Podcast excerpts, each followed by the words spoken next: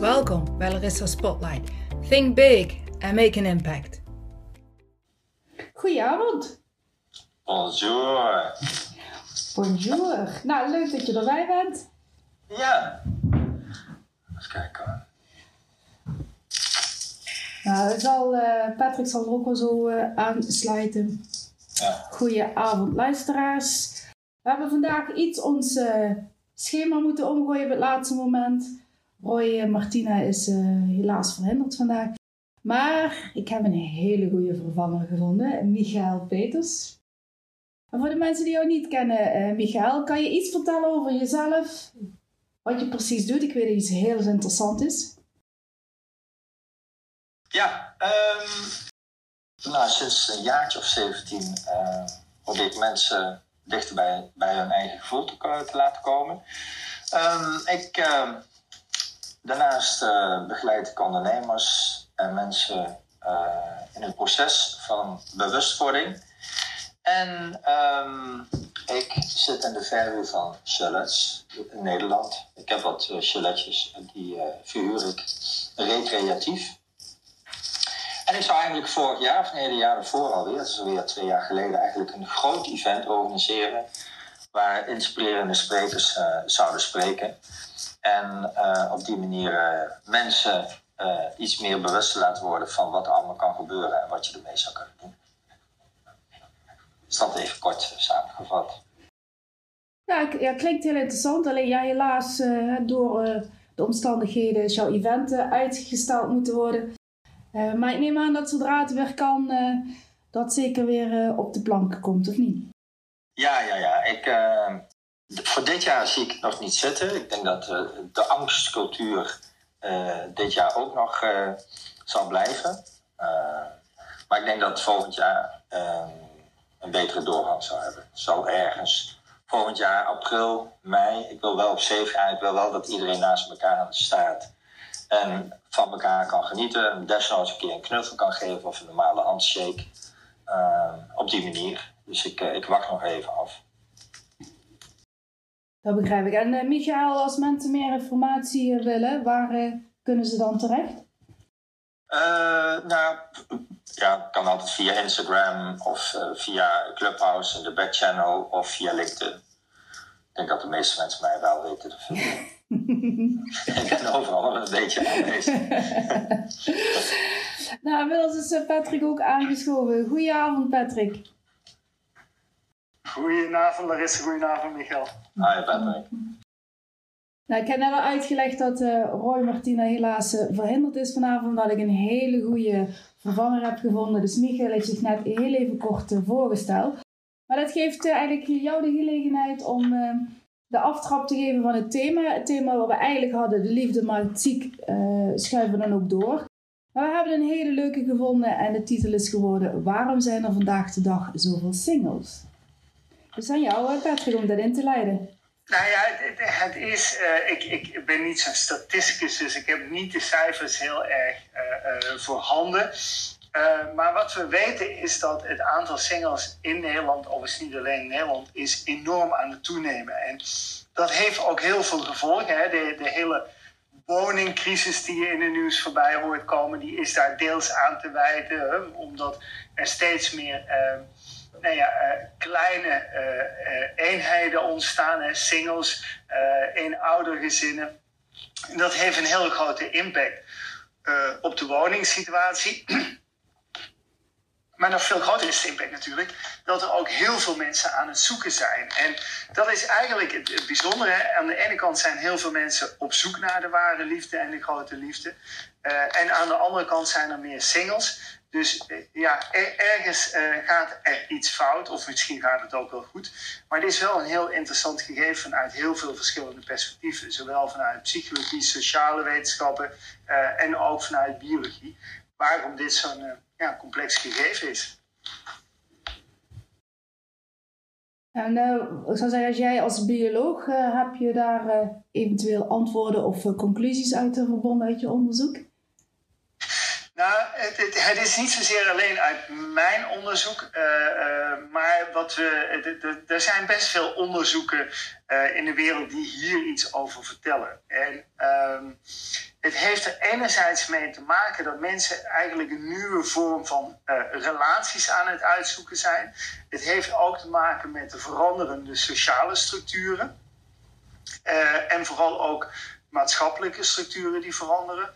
Um, en, en, misschien met de laatste te beginnen, voor zij hebben we dat ook al eens in een eerdere sessie al een keer aangesproken, is dat um, we weten dat heel veel relaties uh, uh, na een aantal jaar stranden. Um, dat is wel de afgelopen 20, 30 jaar heel sterk veranderd. En wat sociologen daarvan zeggen, is dat ze zeggen van nou, relaties zijn niet beter of slechter geworden. Het is echt niet zo dat mensen 50 of 100 jaar geleden in een betere relatie zaten. Uh, maar het scheiden was gewoon geen optie. Dus dat is enerzijds een soort bijkomstigheid van een emancipatie. Wat een hele mooi is. De andere kant, wat ook een, een, een sociale kant is, is dat mensen ehm, relaties vandaag de dag makkelijker verbreken. Waar vroeger een soort sociale druk was die ervoor zorgde dat mensen, ondanks dat een relatie niet goed zat, toch bij elkaar bleven, uh, is dezelfde sociale druk vandaag de dag aanwezig om als een relatie slecht gaat, heel snel een relatie op te geven. Mensen uh, die, of, of uh, een man of een vrouw tegen, die tegen vrienden zegt goh, ik heb wat relatieproblemen, die wordt tegenwoordig heel snel door medevrienden geadviseerd, nou dan breekt de relatie maar op. Terwijl dat 30, 40 jaar geleden precies omgekeerde mechanisme was, waarbij werd gezegd van nou, uh, uh, het gaat misschien niet zo lekker in je relatie, uh, maar een beetje extra investeren, wat extra aandacht voor elkaar, dan komt dat uiteindelijk wel goed. En dat zijn mechanismes die in ieder geval een hele grote invloed hebben. Los daarvan weten we dat er ook nog een invloed is dat mensen vandaag de dag langer thuis blijven wonen. jongeren vooral dus. Um, en, en ook vanuit die situatie veel langer ook single blijven. Dus er zijn heel veel verschillende factoren die opeens bij elkaar blijven. Uh, maar die dus ook wel, iets doen met ja, het hele sociale veld. En waar heb ik in de dagelijkse praktijk mee te maken? Waar kom ik die singles tegen? Nou, bijvoorbeeld tijdens het programma Married at First Sight. Uh, mensen vragen mij dan wel eens hoeveel aanmeldingen zijn er voor afgelopen start van het seizoen seizoen 7. Uh, uh, daar zijn we mee begonnen met de selecties in uh, juni, juli 2021 waren meer dan 5000 aanmeldingen. En dat zijn allemaal mensen die single zijn, maar zelfs ook nog eens, althans heel veel van hun, er op een dusdanige manier in zitten dat ze zeggen: ja, het lukt mij niet meer via de reguliere kanalen. Um, ja, ik heb hulp nodig om een partner te vinden. En dat vind ik wel een heel bijzonder gegeven als je ziet hoe groot die aantallen zijn. Uh, dus we hebben nog wel een interessante uitdaging. Mooi. Ja. Mag, mag ik daarop inhaken? Graag. Ja. Nou, ik, ik vind het wel bijzonder. Um, ergens denk ik ook, ik weet niet hoe jij daarover denkt, maar um, kan internet dus het gemak hè, waar, waarmee mensen nu misschien met elkaar verbinden, de snelheid waarmee verbonden wordt, is het dan ook niet misschien dat, uh, dat het te gemakkelijk is om te connecten, waardoor je ook eerder uit elkaar gaat? Dus dat je eigenlijk de kern niet meer raakt van wat eigenlijk belangrijk is in een relatie. Hè? Dus uh, het gevoel, het, de, de, de overleggen en zo. Kan dat een, een, een oorzaak hebben? Nou, dat is vanuit mijn perspectief wel een heel boeiende, omdat uh, er zijn een aantal onderzoekers en een van de bekendste is Carl Grammer. Nou, dat zal de meeste mensen niks zeggen, maar in de biologie is hij een heel bekende naam als het gaat om relaties. Uh, en, die, die, heeft ooit onderzocht met zijn onderzoeksteam, die zegt het verleiden en het verliefd worden uh, tot het vormen van een stabiele relatie dat gaat ongeveer in zeven verschillende stappen. En al die verschillende stappen hebben verschillende uitdagingen. Uh, maar die hebben ook vaak wel uh, um, ja, ook, ook een functie om uiteindelijk tot een duurzame relatie te komen. En wat er door internet gebeurt, is dat vooral aan de beginkant een aantal van die fases overgeslagen worden. En, en dat is absoluut een van de factoren die een rol speelt. Nou, waar moet je dan aan denken? Er is een soort wervingsfase, dat, dat is de allereerste fase. Dat is de fase dat je op straat rondloopt of op kantoor zit of waar dan ook. En je ziet iemand voorbij lopen en dan denk je, oh die is interessant, daar wil ik meer van weten. En en dan ga je de volgende fase in, uh, dat is de fase van contactopname. Dan ga je uiteindelijk afvragen hoe ga ik iemand aanspreken. En want je wil wel contact. En uh, um, nou, daar, daar kunnen dingen goed gaan, daar kunnen dingen fout gaan, daar kun je verprutsen, maar dan kun je ook een succes bouwen. En zo kun je al die stappen kun je heel mooi uittekenen. En wat je eigenlijk ziet, is dat door internet worden eigenlijk die stappen enerzijds ingekort.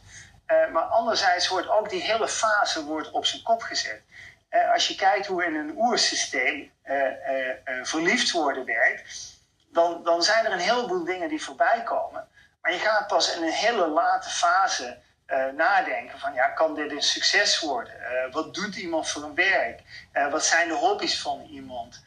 wat is de afkomst van iemand? Dat komt eigenlijk pas in een relatief late fase aan bod. En dat zijn juist nu de dingen die daar begint men mee. Het is wel een vraag, ja, wat doe je? uh, ze vragen nog net niet, wat is je inkomen? Uh, maar er worden heel veel dingen worden afgetast, of niet afgetast, maar worden eigenlijk gecheckt bij elkaar. En dan gaat men eigenlijk pas echt aan het daten. En, ja, dus dat betekent ook dat internet enerzijds de markt heeft opengegooid, dus iedereen heeft daar toegang toe. Um, maar een nadeel daarvan is, denk wel wat jij omschrijft, Michael, is, is ja, het, het, is ook een soort vervaging heeft opgetreden. En misschien draagt het er ook wel toe bij dat, dat we niet meer die vlinders gaan voelen, of dat die vlinders op een heel ander moment voorbij komen. Ja, dankjewel. Ja, volgens mij heeft het natuurlijk ook mee te maken, als je, als je weet dat het, dat het uh, misschien makkelijker is om contact met elkaar te maken dan ga je misschien ook eerder sneller schakelen. Op het moment dat er iets fout is of iets fout voelt, dat je misschien eerder keuze maakt van ik neem afscheid van jou. Want ik kan misschien zo snel schakelen dat je weer heel makkelijk, mensen dat denk je dan, dat je makkelijk verbindt met een ander. Maar die diepere laag wordt volgens mij minder snel geraakt door juist het internet daten. Ja, ik, ik, heb dit wel eens het uh, Tinder-dilemma genoemd. Um, en dat, dat is het swipen. En dus uh, Tinder doet iets heel slims.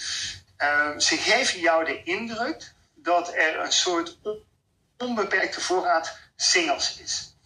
Ehm, dus je kunt door blijven swipen en er komt altijd wel weer nieuw aanbod voorbij. Waardoor mensen ook het idee hebben dat ze ook kunnen blijven zoeken naar het allerbeste aanbod. En dat is wat zeg maar internet doet, niet alleen Tinder, maar dat doet het hele internet daten, is dat er een soort idee ontstaat van ja, weet je, ik kan door blijven swipen en er komt altijd wel weer een leuke nieuwe kandidaat voorbij. Uh, maar dat betekent dus ook dat je eerder bereid bent om die kandidaat waar je wel mee gedate hebt, om die op te geven. Uh, en uh, er is heel mooi onderzoek gedaan. En eh, het blijkt dat mensen, als ze partnerkeuze moeten maken, dat mensen eigenlijk biologisch en, en, en van oorsprong helemaal niet op zoek gaan naar de mooiste, de knapste, de leukste. Uh, maar dat men echt bewust op zoek gaat naar eigenlijk het beste aanbod binnen, of de beste partner binnen het aanbod dat beschikbaar is. Dus mensen hebben een soort natuurlijke realiteitszin. Dat we ons realiseren van ja, weet je, ik moet wel kijken binnen, binnen datgene wat hier potentieel rondloopt. Daar zal ik het uiteindelijk mee moeten doen. En uh, dat is door Tinder en andere datingsapps en internet is dat verdwenen. Waardoor mensen ook sneller geneigd zullen zijn om nou ja, niet verder te investeren of sneller uit de relatie te stappen.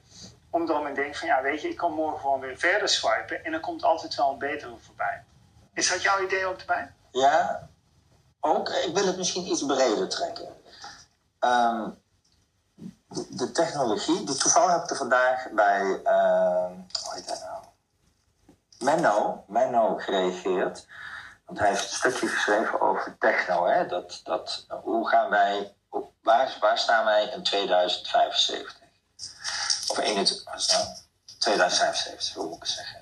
En uiteindelijk is wat, wat wat in de, volgens mij ook in de mensen, ik moet een beetje voorzichtig zijn, maar ja, maar anders ga je, ga je ergens confronteren wat oké is. Maar ehm, de gedachte volgens mij bij een mens is dat we ergens wel de behoefte hebben om vaak gemak te hebben.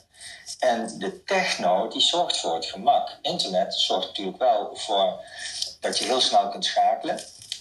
Of een andere partner, of misschien zelfs een huis met al die flesjes, al die, die, die tools die, die het huis zich kan aanbieden, dat het allemaal makkelijker wordt. Dus het werken, het is ook een beetje mindset, het werken wordt minder zwaar. Dus je hoeft eigenlijk niet zoveel veel moeite meer te doen voor uh, bepaalde situaties, hè, het gemak. Maar ergens denk ik ook dat het, dat het een beetje in dezelfde richting getrokken kan worden in het maken van connecties. Ja, je, uh, gemak. Ehm, ehm, eigenlijk zijn, zijn luie mensen de meest slimme mensen. En, en die hebben ook de grootste overlevingskans. Uh, dus als je biologisch kijkt, zijn mensen die zich uitsloven, die, uh, die worden niet oud. En, en, dat klinkt even een beetje uh, kort door de bocht, maar hoe werkt dat? de mens is eigenlijk van nature geprogrammeerd om energie te besparen. Ehm, dat betekent dus dat op het moment als wij iets doen wat energie bespaart, dan krijgen we daar intern een soort beloning voor. Het resultaat daarvan is, is dat de mens in de huidige wereld soms een beetje lui overkomt of gemakzuchtig overkomt. Dus wij, wij houden ervan om afkortingen te nemen, we houden ervan om olifantenpaardjes te nemen, we houden er eigenlijk van om, ehm, nou ja, als we dingen kunnen overslaan, om dat te doen. En weet dat er heel veel mensen zijn die zeggen: nee, nee, nee, ik, uh, uh, ik ben juist degene die de moeilijke weg kiest of de uitgebreide weg. Maar het bizarre is dat ons interne beloningssysteem, die ja, we, worden gewoon beloond om dingen op een gemakkelijke manier te doen. Um, en, en dat betekent dus ook dat om van die gemakkelijke manier af te komen, dat, uh, dat we soms echt dingen moeten doen die enigszins tegen natuurlijk zijn. Uh, ik zeg altijd van ja, heel veel mensen krijgen goede beloning voor sporten.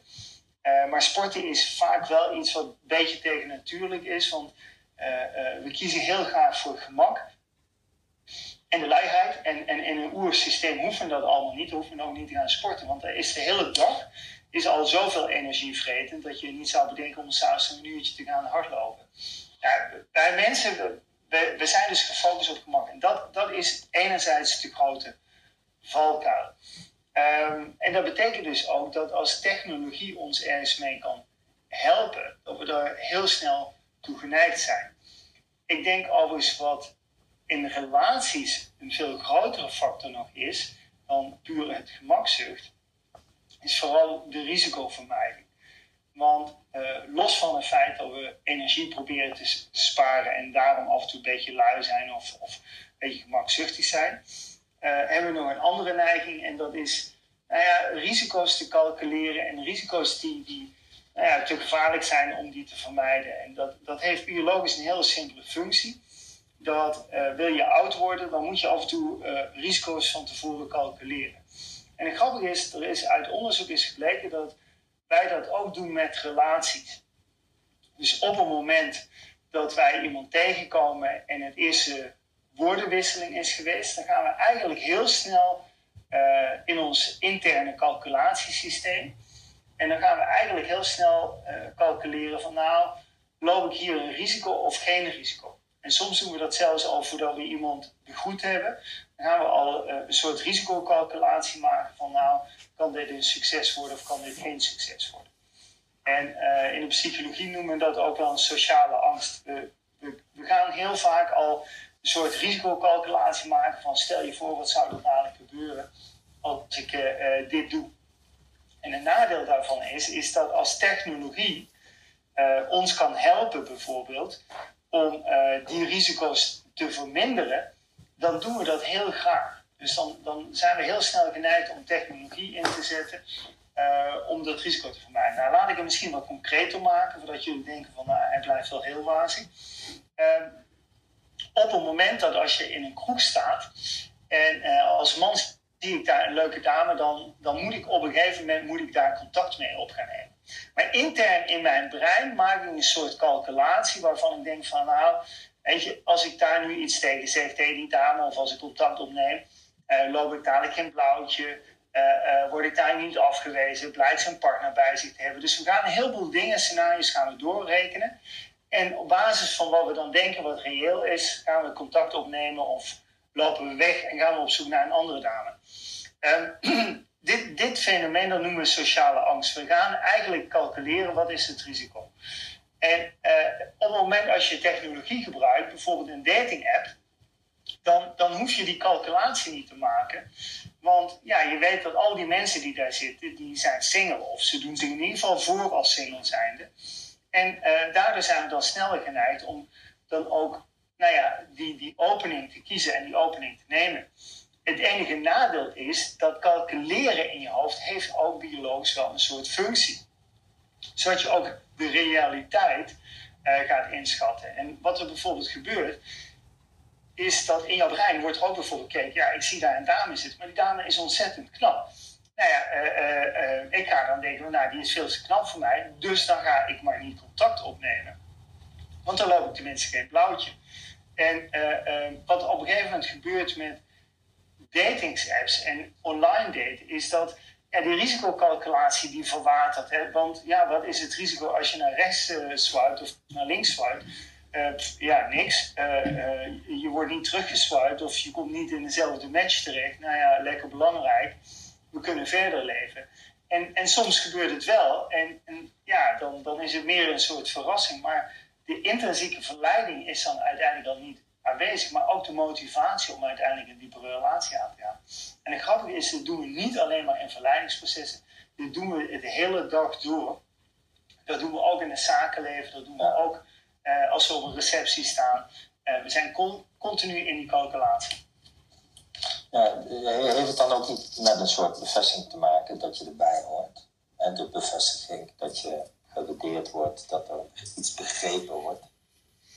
Ja, dit proces zit eigenlijk een fase ervoor. Um, uh, wat ik zelf altijd een heel mooie omgeving vind om dit te observeren is als je van die congressen hebt uh, waar mensen het ochtends binnenkomen en uh, nou, dan registreer je jezelf. Dat is eigenlijk allemaal redelijk goed georganiseerd. Dan sta je in de rij en dan ga je ook nog je jas ergens ophangen.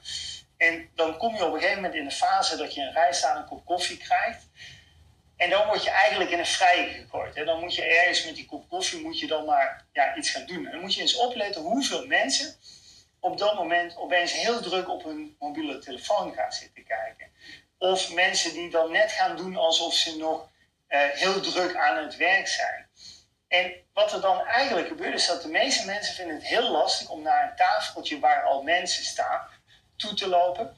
En daar bij een tafeltje aan te sluiten. En dan eigenlijk, ja, zeg maar gewoon uh, zonder een, een, goede reden mee in gesprek te gaan.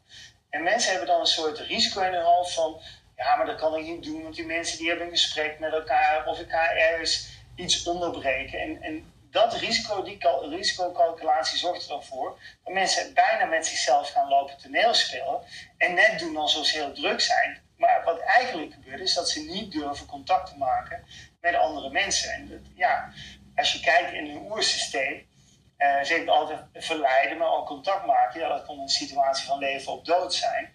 Maar dat is vandaag de dag niet meer. Je wordt niet meteen uh, uh, opgegeten of een in je rug. Op het moment als je tegen iemand zegt van, goh, mag ik aan het tafeltje even aanschuiven en meepraten of wat dan ook.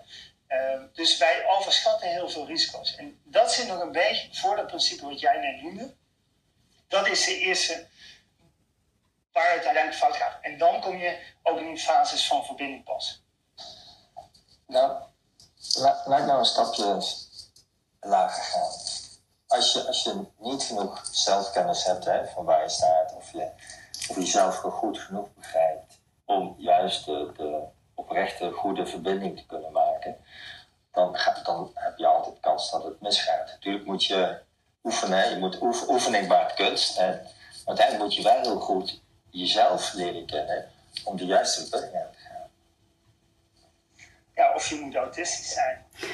en dat, dat, dat klinkt misschien een beetje kort door de bocht. Uh, en ik hoop dat ik nu niemand beledig. Maar het grappige is, uh, we weten dat mensen met in een bepaalde spectra van autisme uh, die sociale rem ook niet hebben.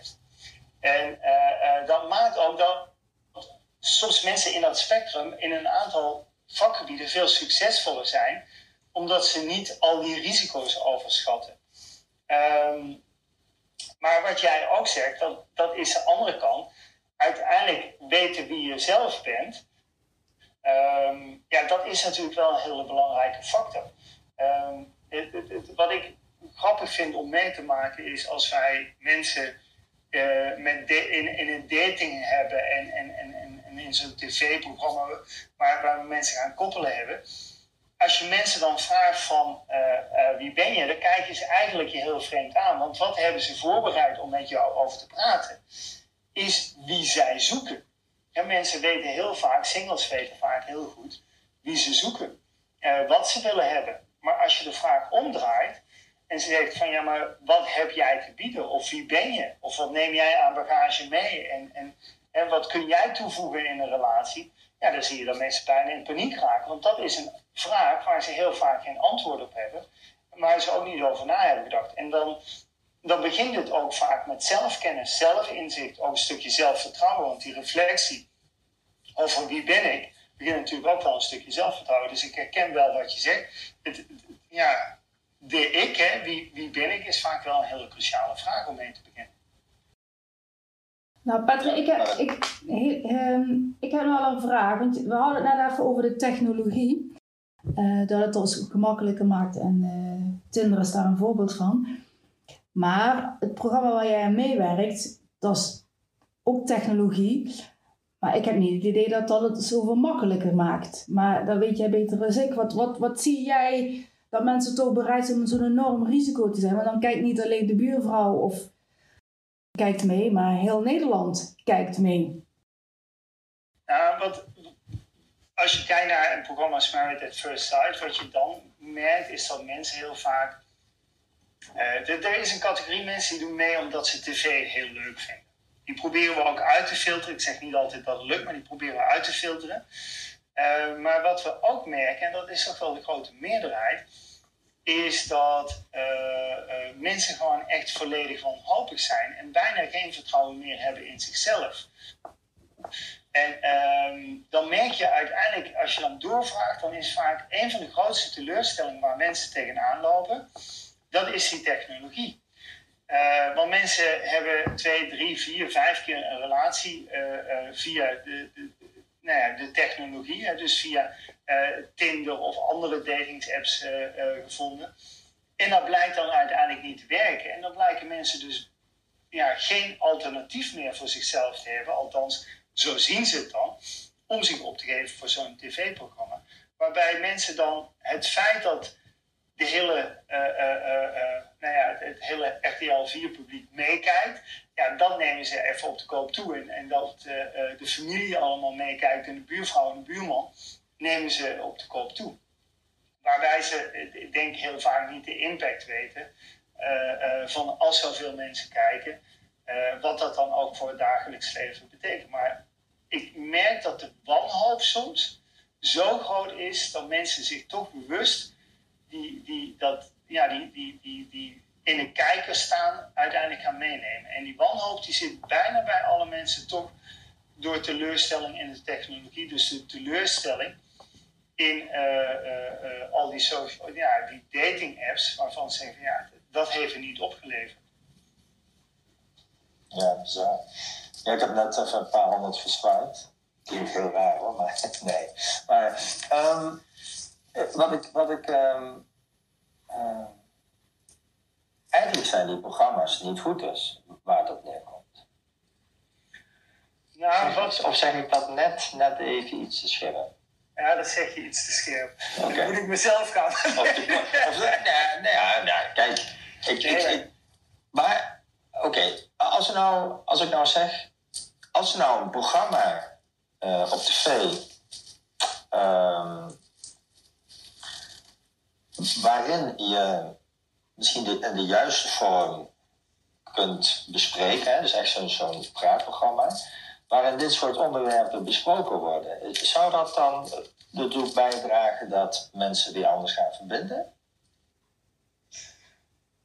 Ja, ik geloof vorige week was ook wel de conclusie dat we meer moeten gaan praten, uh, onder andere ook in de media, over relaties en, en mannen en vrouwen en de verschillen in de overeenkomsten. Uh, nou, laat ik het zo zeggen. Ik denk dat ehm, waar we voor moeten oppassen, ook vanuit mediaperspectief, dus eh, even generiek naar, naar alle datingprogramma's die er zijn, is ehm, dat we moeten oppassen dat, dat dating iets wordt wat zomaar iets is. En zo dat, dat weet je, je, je geeft je ergens op, uh, uh, je doet ergens aan mee. En, en nou ja, dat het bijna zo'n beetje van ik swipe een keer naar links. En, of ik, ik swipe een keer naar rechts. En ja, komt het uit, dan komt het uit. En um, ja, dan, dan kijken we wel wat het resultaat gaat worden. En ik denk waar we mee moeten oppassen, is dat we die hele eh, liefde, maar ook die, die hele relaties, dat we dat een beetje gaan wegzetten als iets van ja, weet je, je kunt dat wel redden in een uur tijd. En dan, uh, uh, ja, als er niks wordt, wordt er niks, dan gaan we weer verder experimenteren. En ik denk dat het belangrijk is, is dat mensen ook wel realiseren uh, dat een relatie is gewoon investeren. Een, een relatie betekent ook op een gegeven moment dat een paar dingen goed gaan en op een gegeven moment dat het ook een keer fout gaat. Maar dat je dan vervolgens energie erin gaat steken om het weer goed te krijgen. En dat is ook wel een van de dingen die je, waar we ze straks ook mee begonnen, is dat je merkt dat in de huidige cultuur is dat relaties heel vaak zoiets worden gezien van ja, kloppen niet ja, dan ga ik weer verder. En dan zoek ik gewoon even verder, totdat weer de ideale relatie voorbij komt, totdat die niet meer ideaal blijkt te zijn. En dan, dan swipe ik wel weer verder. En uh, je hebt daar wel een punt. Ik denk dat tv-programma's daar af en toe aan bijdragen om dat beeld in stand te houden dat dat zo werkt en dat dat ook kan. Terwijl je uiteindelijk ook vooral wil om nou ja, ook wel te laten zien uh, dat relaties ook iets is waar je in moet investeren. En dat het ook wel vaak uh, fijn is om in een duurzame relatie te investeren. Ik merk wel dat er een verandering ook in medialand is om weer wat meer vanuit dat perspectief te gaan kijken. Ik merk zelf dat uh, ook vanuit de productie van een tv-programma daar toch wel weer wat meer nadruk wordt opgelegd. Van jongens, laten we ook wel even wat meer context geven, zodat we weten waar we het over hebben. Ja, ja. Um, Mag ik uh, even, ja, uh, even, sa even, samenvatten tot nu toe? Uh, want we hebben al heel veel besproken. we zijn gestart met het aantal singles neemt enorm toe. Deels zorgt dat ook voor de woningscrisis.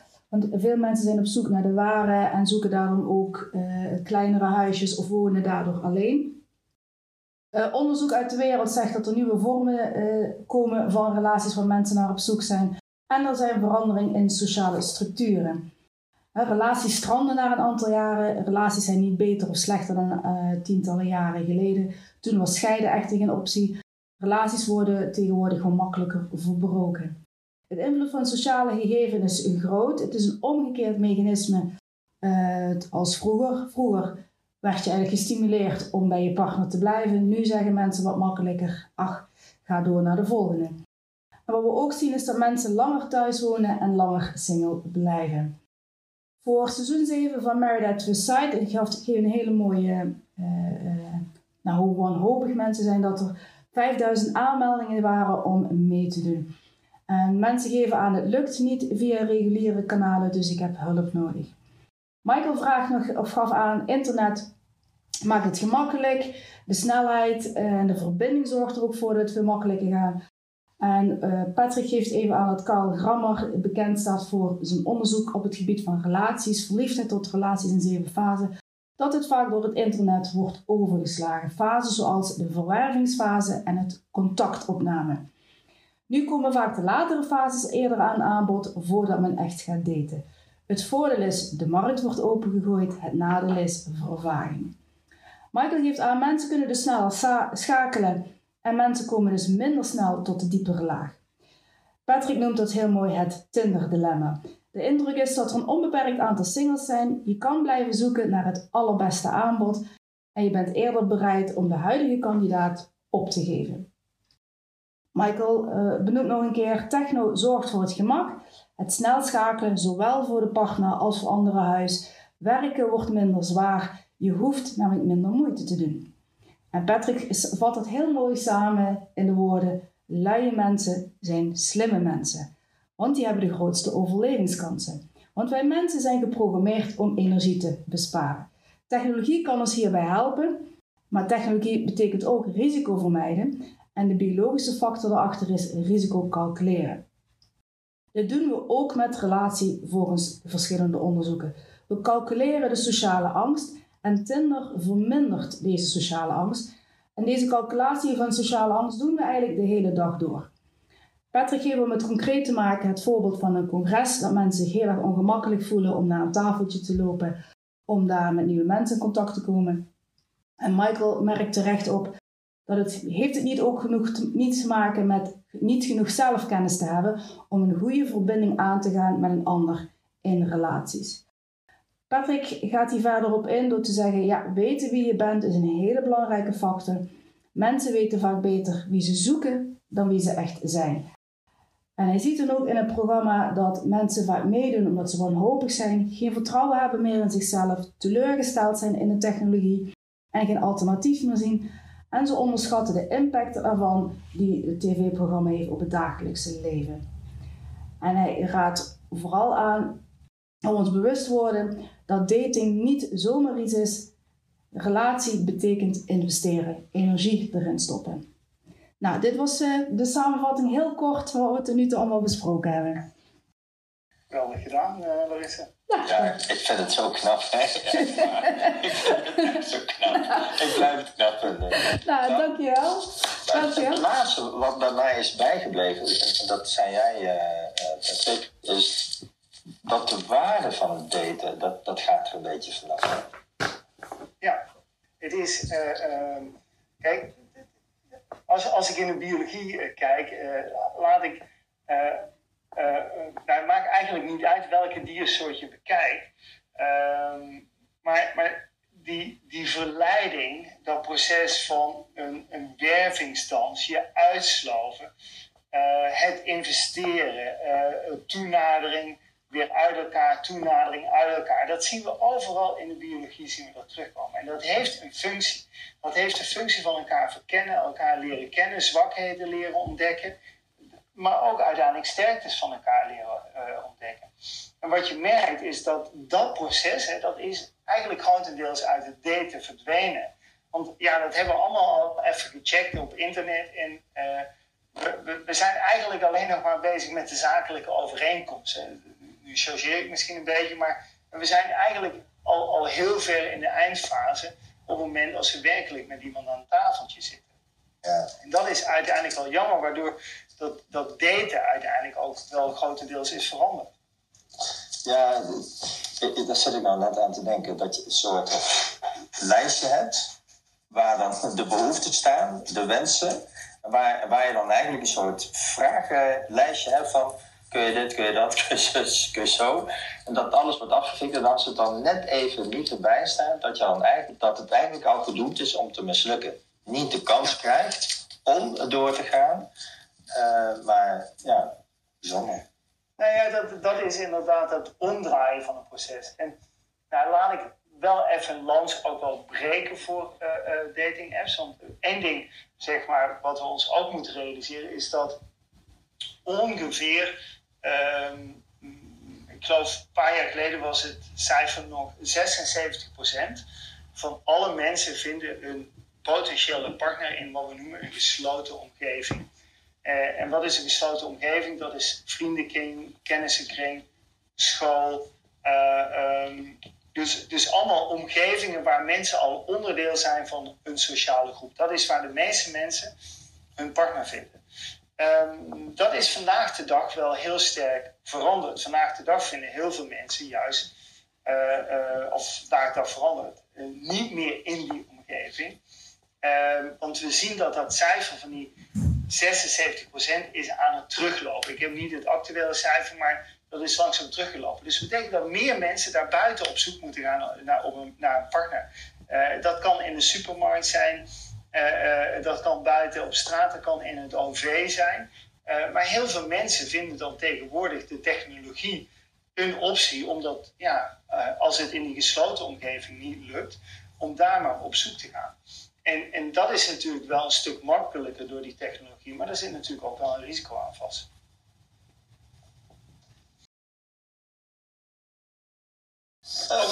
ja, zeg maar. Ja.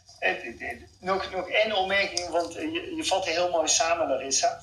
Um, en te bedanken even, misschien voordat dadelijk mensen uh, uh, zich echt uh, beledigd voelen. Um, ik, ik, ik, nam de woningcrisis erbij om aan te geven, want dat laat zien wat een van de uitdagingen, maatschappelijke uitdagingen is van het toenemend aantal singles. Um, maar met de veranderende uh, maatschappelijke samenstelling, sociale samenstellingen, uh, komen er overigens veel meer uitdagingen voorbij. En die wil ik niet allemaal aan de singles wijten. Want dadelijk lijkt wel alsof ik een, uh, tegen de singles begin op te treden, wat die allemaal fout doen. Maar ehm, het bijzondere is wel dat we als maatschappij er nu over na moeten gaan denken. Wat het betekent dat in de toekomst meer singles zijn. Wat betekent dat voor mantelzorg? Wat betekent dat sowieso voor ouder worden? Uh, wat betekent dat sowieso ook voor de zorgbelasting? Um, het heeft heel veel impact dat als de ja, bevolkingssamenstelling en vooral ook relaties binnen die, samen, binnen die bevolking aan het veranderen is, hoe we uiteindelijk ook naar de toekomst moeten kijken. En de woningmarkt is nu al een hele urgente. Uh, maar als je daar heel realistisch naar kijkt, weet je dat het veranderen van nou ja, relatiesamenstellingen, meer singles, ook op andere niveaus in de toekomst impact gaat hebben. En je merkt dat we daar maatschappelijk eigenlijk helemaal nog niet mee bezig zijn, terwijl het eigenlijk best boeiend zou zijn.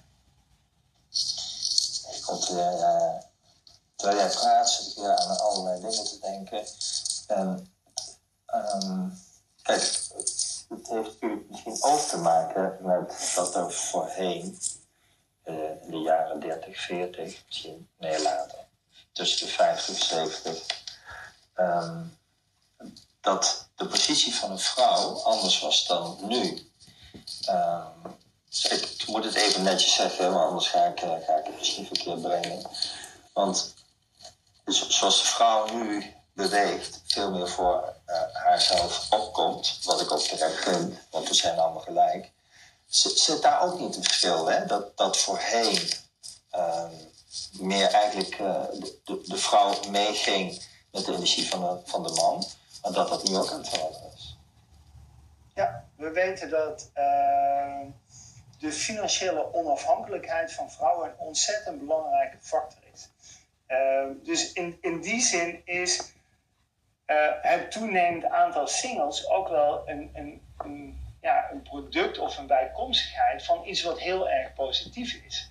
En de emancipatie heeft absoluut er ook toe bijgedragen dat vrouwen veel onafhankelijker zijn geworden en daardoor ook makkelijker uit de relatie kunnen stappen.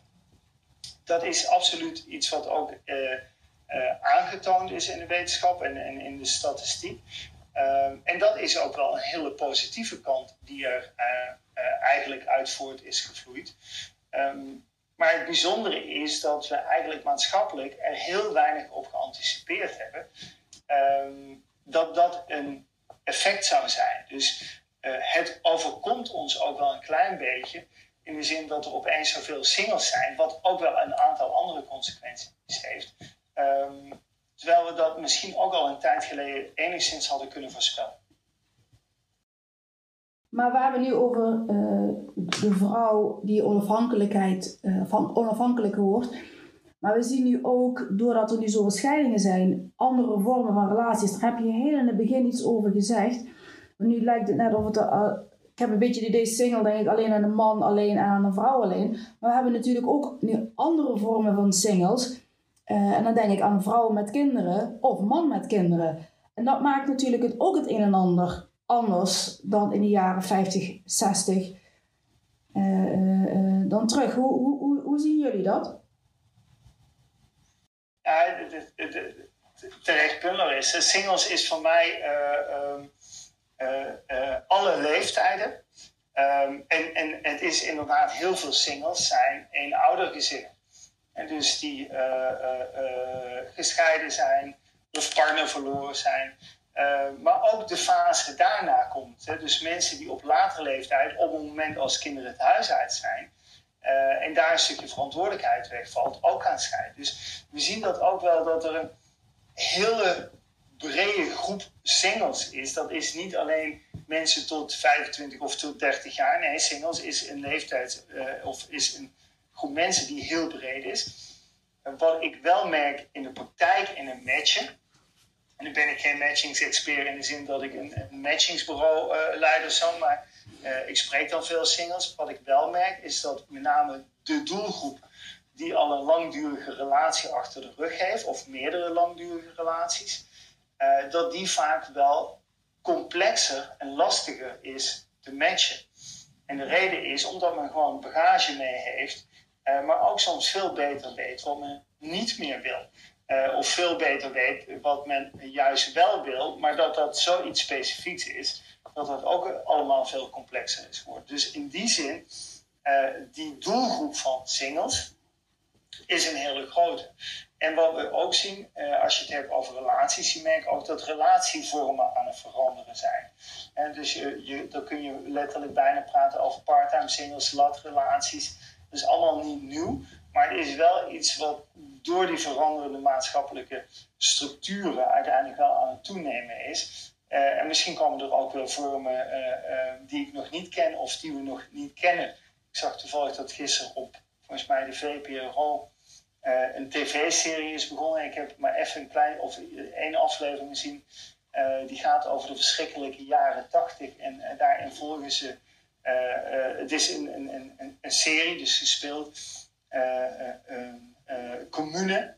Eén man, geloof ik, met vier vrouwen. Wat, wat dus allemaal niet nieuwe vormen zijn, maar die jaren 80, 70, 60 ook plaatsvonden of voorbij kwamen. maar dat, dat zijn natuurlijk ook ontwikkelingen van alle tijden, maar ook zeker in deze tijd, dat ook relatievormen gaan veranderen. Ja, maar is, is het dan niet. Want, kijk, voor mij klinkt het allemaal steeds normaler. En ik, als het dan breed trekken, hè, dus uh, is er dan niet meer een algemene acceptatie dat, dat het een soort, ja, ik zeg geen trend, of zo. Weet je uiteindelijk, um, latten, dat hoor je steeds vaker, is een steeds normalere vorm van, ik heb een relatie maar wij latten en wij vinden dat prima zo. Weet je, volgens mij ontstaan er, noodgedwongen soms, maar ook um, op die manier, ook vanwege het gemak weer, dat komen we dat luie mens, uh, dat op die manier uh, je eigen vrijheid, je eigen uh, ritme kunt houden. Het, het, boeiende is, ook dat zie je inderdaad, dat mensen in, die zin ook vrijheid. Over een paar jaar geleden werd ik geïnterviewd voor een tijdschrift rondom het thema de happy single dat iemand zei van ja, maar weet je, ik, ik, ben single en ik word daar voortdurend op aangesproken, maar ik wil helemaal geen relatie. want ik, ik, ik vul mijn behoeftes in een leven vul ik op heel verschillende manieren in. Ik heb wel iemand waar ik lekker mee ga shoppen. Ik heb iemand waar ik lekker mee ga uiteten. Ik heb iemand waar ik seks mee heb. Ik heb dat allemaal ingevuld, maar ik wil vooral single blijven. En, en maatschappelijk heeft men daar heel veel moeite mee. Wat ik wel zie is dat uh, de meeste mensen die ik tegenkom, en dat is misschien een selectieve groep, maar die willen juist ook dat single af zijn. En uh, uh, die willen juist een relatie. Dus het bijzondere is, ik denk dat het aantal mensen dat een alternatieve vorm kiest aan toenemen is. Ik denk dat er ook steeds meer mensen zijn die zeggen: Goh, ik wil eigenlijk helemaal niet een relatie in het traditionele beeld. Ik wil überhaupt geen vaste relatie. Ik vind het lekker om single te zijn. Uh, of een ander type relatie te hebben. Maar wat we ook wel merken is dat uh, er ook wel heel veel mensen zijn die single zijn, maar toch heel graag die relatie zouden willen. En uh, soms is dat ook omdat mensen gewoon misschien het gevoel hebben dat ze een relatie moeten hebben, ook door sociale druk. Uh, maar ik denk dat heel veel mensen ook vooral uh, um, een aantal dingen gewoon met een partner willen delen. En wat we niet moeten vergeten is dat we hebben vaak het thema eenzaamheid. dat hoor je overal voorbij komen. Maar als je in steden kijkt waar de grootste eenzaamheid zit, is heel vaak helemaal niet eens bij de oudjes zoals wij dat bedenken. Maar zit eenzaamheid juist ook bij jongere mensen onder andere bij singles, omdat dat sociale leven heel erg ingeperkt is. Uh, we hebben dat afgelopen COVID-tijd gezien, daar zit er natuurlijk nog deels in. Uh, maar dat juist ook mensen die single zijn daar toch wel heel zwaar in geleden hebben. Omdat nou ja, werk moest deels thuis gebeuren of het moest helemaal thuis gebeuren. maar uiteindelijk thuis, maar een heel beperkt netwerk van andere mensen te hebben. misschien kinderen. Eh, eh, misschien familieleden die je af en toe zag. Eh, maar niet een partner waar je elke dag mee thuis op de bank kon hangen. en wat ik ook hoor, is dat singles zeggen: ja, maar weet je, financieel kan ik een aantal dingen niet die mensen met een partner wel kunnen. Of singles die zeggen: van nou, weet je, ik, ik wil niet meer altijd voor alle keuzes alleen staan. Ik zou het fijn vinden om keuzes ook met anderen te kunnen maken of met een partner te kunnen maken. Dus wat je ziet is dat die markt of die populatie singles is heel divers. Mensen die er helemaal content mee zijn, mensen die een alternatieve vorm vinden. Maar de grootste massa is een steeds een massa mensen die echt wel op zoek zijn naar een relatie. En de motivatie daarvoor kan heel divers zijn. Ja, ja de vraag het blijft dan, zijn ze wel echt op zoek naar, natuurlijk, het is de gedachtegang dat ze zo'n partner willen hebben waar ze dus alles mee kunnen delen. Maar ergens natuurlijk ook spannend. Hè? Het blijft altijd spannend of het de juiste match is. Maar jij doet heel veel onderzoek, hè? Um, naar, naar eigenlijk veel, hè? Veel, op veel fronten. Ehm, maar nou, als je nou kijkt, hè, als we nou een beetje algemeen kijken naar, deze, naar dit verhaal, nou, laten we dan even breed trekken. Uh, de, arbeid, of de, de, de woningnood die er is. Um, is het dan niet een soort instantie die aan de bel trekt, die denkt van we moeten een onderzoek opstarten hoe we het wel weer op de juiste manier kunnen doen? Nee. Nee, oké. Okay. Heel goed antwoord. ja, heel helder. nou, wat je, wat je eigenlijk merkt, en, en dat is misschien heel flauw. Nou, het antwoord iets, iets uitgebreider is wat je merkt dat uh, we zijn heel erg goed in het meten. Uh, en vroeger zijn we altijd meten is weten. Dus wat we doen is heel veel statistiek bijhouden. En in Nederland, uh, eigenlijk had ik dat vandaag even van tevoren goed moeten doen. Maar in Nederland kun je alles over singles vinden. En je gaat naar het CBS en je kunt de meest idiote statistieken kun je opvragen. En doet het CBS er niet, dan zijn er andere instanties die dat allemaal netjes bijhouden. Dus wij meten heel veel. Uh, en daarin is Nederland niet uniek, hè? dat doen heel veel landen. Ehm, maar wat je vaak ziet, is dat we heel weinig tijd steken in de oplossing. Uh, Larissa en ik zijn samen wel eens betrokken geweest bij een heel andere thematiek. Dat ging over pesten bij schoolkinderen. En dan is het heel bizar. Je kunt ontzettend veel data vinden over hoeveel er gepest wordt, wie er pest, gepest wordt. Er is zo ontzettend veel data beschikbaar. Uh, maar er wordt meer onderzoek gedaan om die data te verzamelen dan uiteindelijk onderzoek naar hoe kan ik het probleem oplossen of het probleem vermijden. En uh, de, een van de motivaties daarvan is, of een van de redenen dat dat weinig gebeurt, is omdat uh, er zijn maar heel weinig instituten die op een gegeven moment dat soort onderzoek kunnen doen.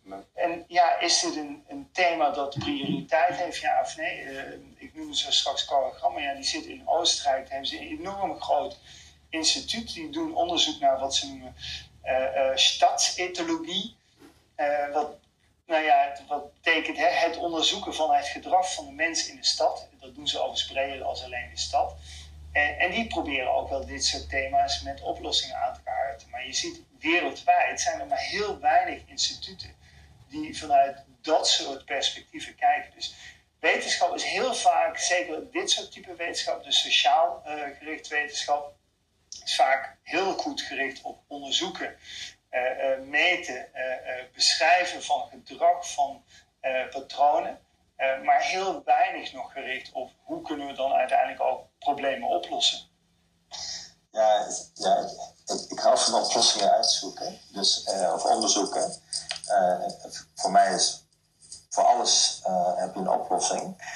Maar ik zie zoveel wetenschappelijk en veel wat onderzocht wordt, dat wordt geprogrammeerd en dat wordt uitgeschreven, er wordt geroepen. Maar ik, ik zie zelden een, oplossing, want heel veel mensen schreeuwen: uh, COVID is dit, COVID is dat. Onderzoeken over of het wel of niet goed is, dat wordt ehm, geroepen.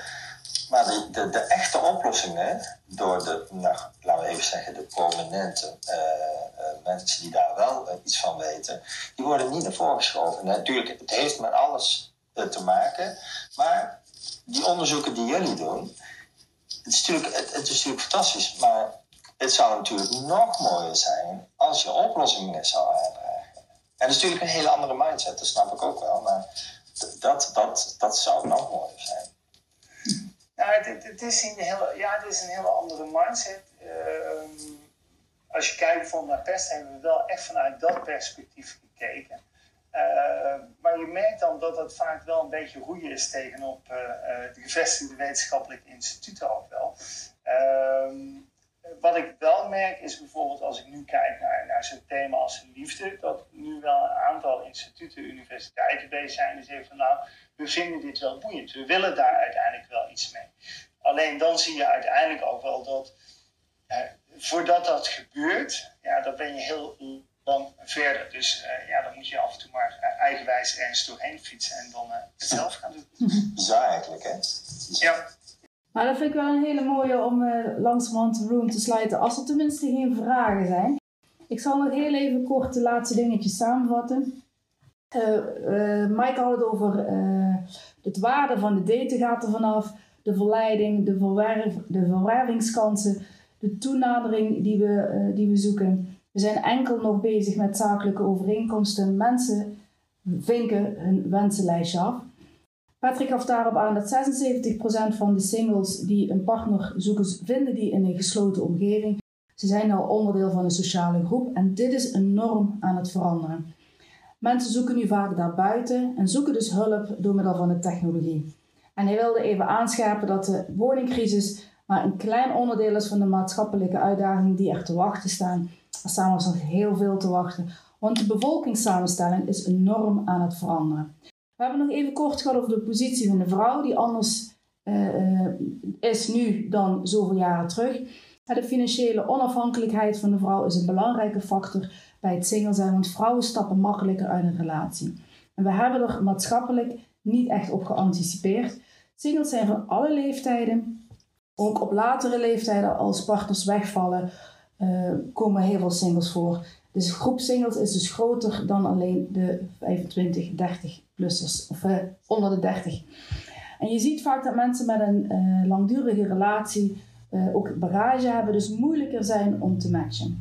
Dus in het algemeen, de doelgroep van single is vele malen breder dan we denken en enorme relatievormen zijn aan het veranderen.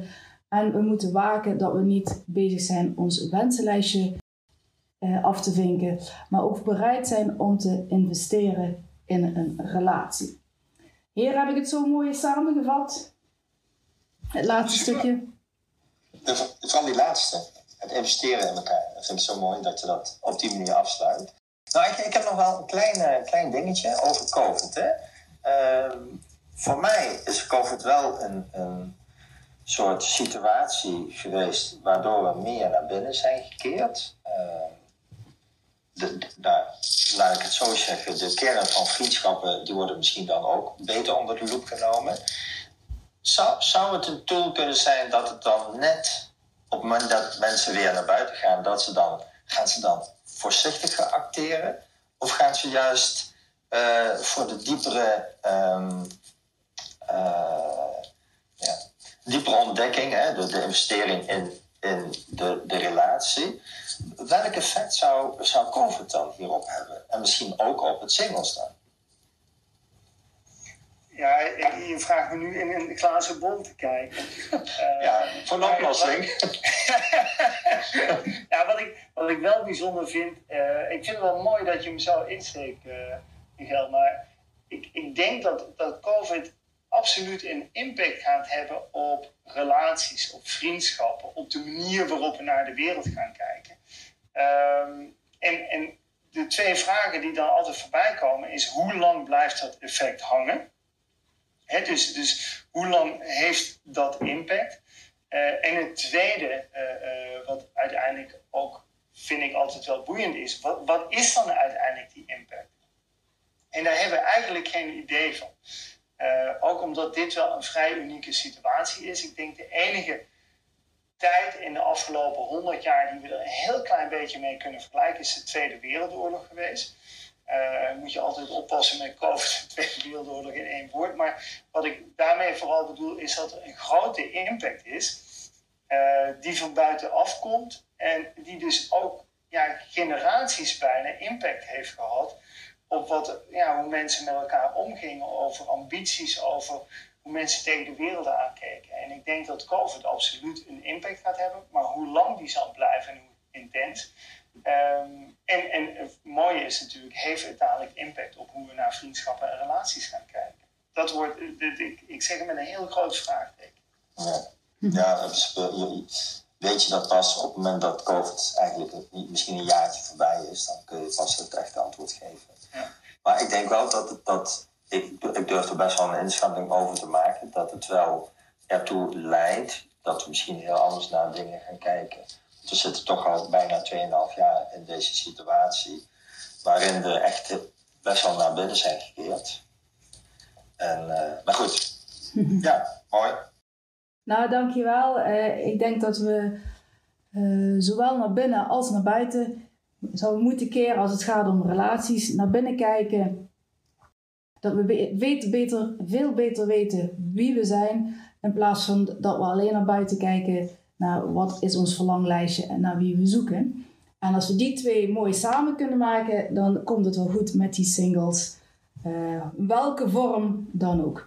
Heren, hartstikke bedankt uh, voor jullie aanwezigheid. Michael, uh, of Michael, sorry, ik, ik, maak weer een foutje. Michael, dat jij de lef hebt gehad om uh, Roy Martina te durven vervangen vanavond. Uh, mijn hartelijke dank.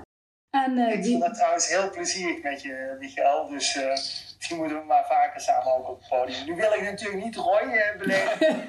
dat is allemaal... Ja, weet je, ik kan een silverback kan ik nooit vervangen. maar ik vond, ik vond het leuk. Ja, ik, ik ga natuurlijk wel een beetje op mindset, dat weten jullie wel. Maar, ik, vond, ik vond het leuk ik merk het. moet natuurlijk wel een beetje dynamiek zijn en ik hou wel van een beetje de, de vragen stellen. Ik vind het juist mooi om te, te sparren met een wetenschapper. Natuurlijk heb je ook een filosofie, hè, maar wetenschap ja, is natuurlijk ook wel uh, leuk om te weten. jullie ook bedankt voor het podium. Nou, zou zeggen, welkom tot uh, mijn groepje van uh, zoals jij dat altijd zo mooi zegt. En luisteraars, bedankt dat jullie er waren. Volgende week is Roy weer terug. En dan eh, gaan we het thema bespreken waar we eigenlijk vanavond van plan waren. Liefde maakt je ziek. Ik wens jullie allemaal een hele fijne avond. En tot volgende week.